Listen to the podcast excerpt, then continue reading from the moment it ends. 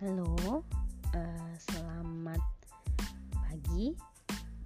Uh, hari ini kita akan melanjutkan materi kita tentang budidaya unggas.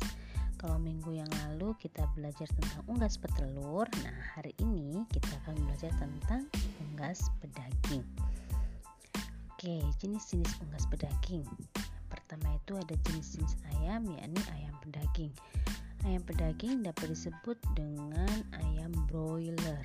Nah, ayam pedaging merupakan jenis unggulan hasil persilangan berbagai jenis ayam yang memiliki produktivitas tinggi, terutama untuk produktivitas daging.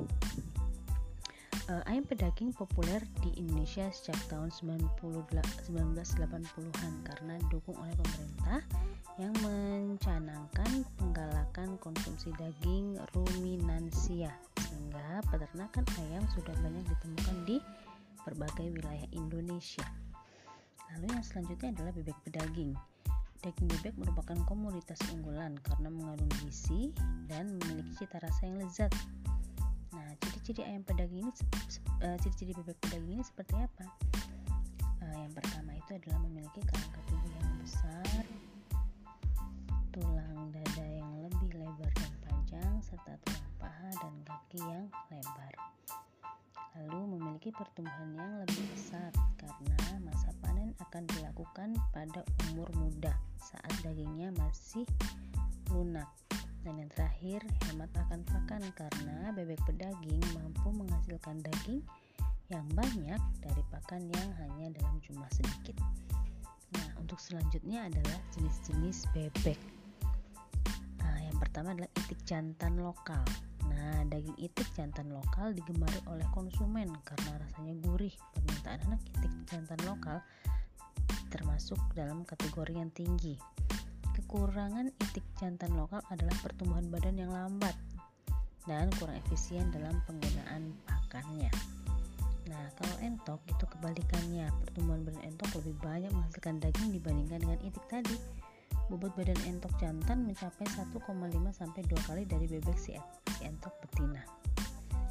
Laju e, perkembangbiakan entok termasuk lambat karena menghasilkan sedikit telur dan proses penetasan yang lama. Selanjutnya adalah mandalung. Mandalung ini merupakan hasil persilangan dari itik dan entok. E, kalau kalian lihat di buku cetak itu e, sudah terlihat dari secara fisiknya ya. Nah, mandalung ini dibiarkan untuk menyiasati perbedaan berat antara etok dan itik.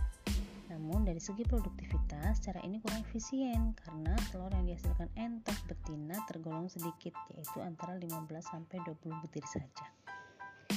Nah, selanjutnya adalah tahapan usaha budidaya unggas pedaging.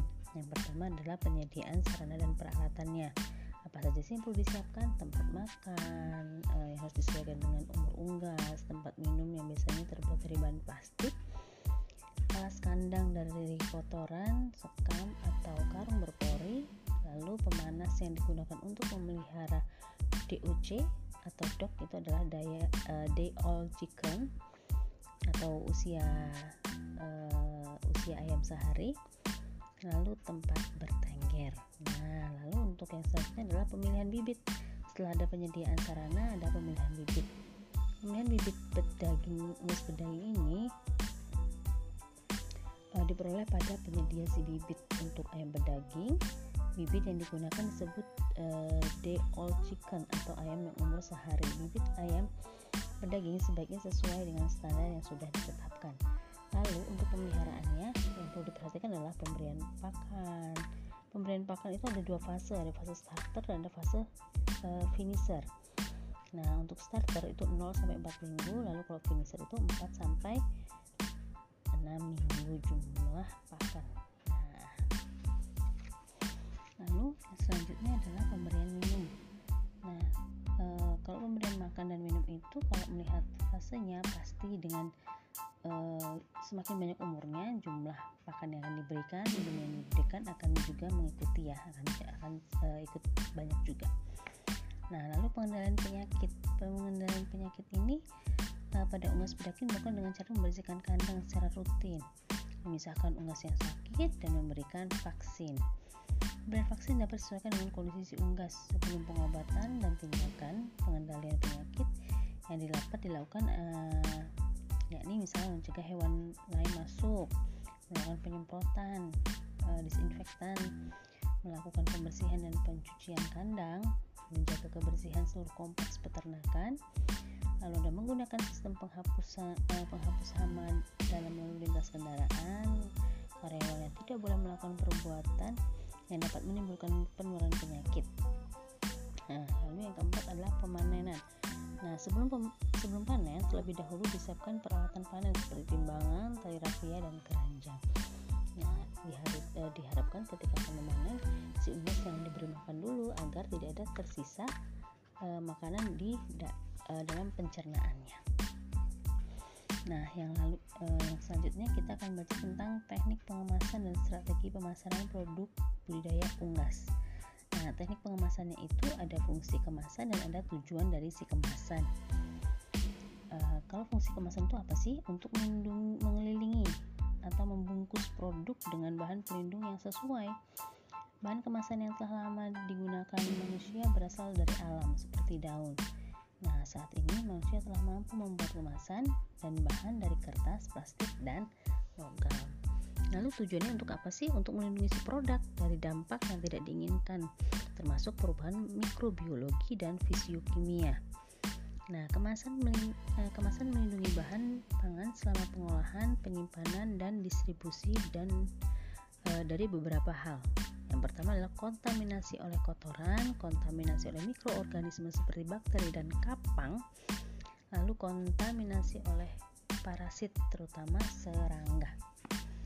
Lalu ada kontaminasi oleh zat kimia, kontaminasi oleh zat fisik seperti cahaya, oksigen dan mempengaruhi akan pengaruhi uh, warna dan bau serta rasanya.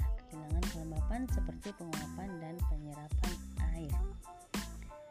Lalu Desain dan pengemasan produk budidaya unggas petelur dapat dibagi menjadi beberapa tahap yaitu tahap budidaya, kemudian tahap distribusi. Nah, kalau strategi pemasaran itu eh, ada beberapa tahap yaitu dari produsen ke pedagang besar, ke pengecer, lalu ke konsumen. Nah, pada saluran yang tadi saya sebutkan tadi digunakan oleh peternak ayam skala besar yang bawa produknya keluar pulau. Oke, lalu yang selanjutnya yang akan kita bahas adalah tentang perhitungan hasil usaha budidaya unggas. Nah, rumus-rumus ini uh, sudah pernah kita pelajari. Nah, ini hanya mengulang saja. Uh, rumus ini ada waktu kita belajar di kelas 11 ya.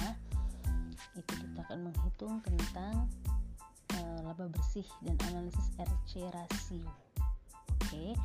Uh, kita ingat-ingat dulu saja materi perhitungannya akan kita bahas mendetail uh, di pertemuan selanjutnya. Oke, terima kasih. Selamat belajar, Nak.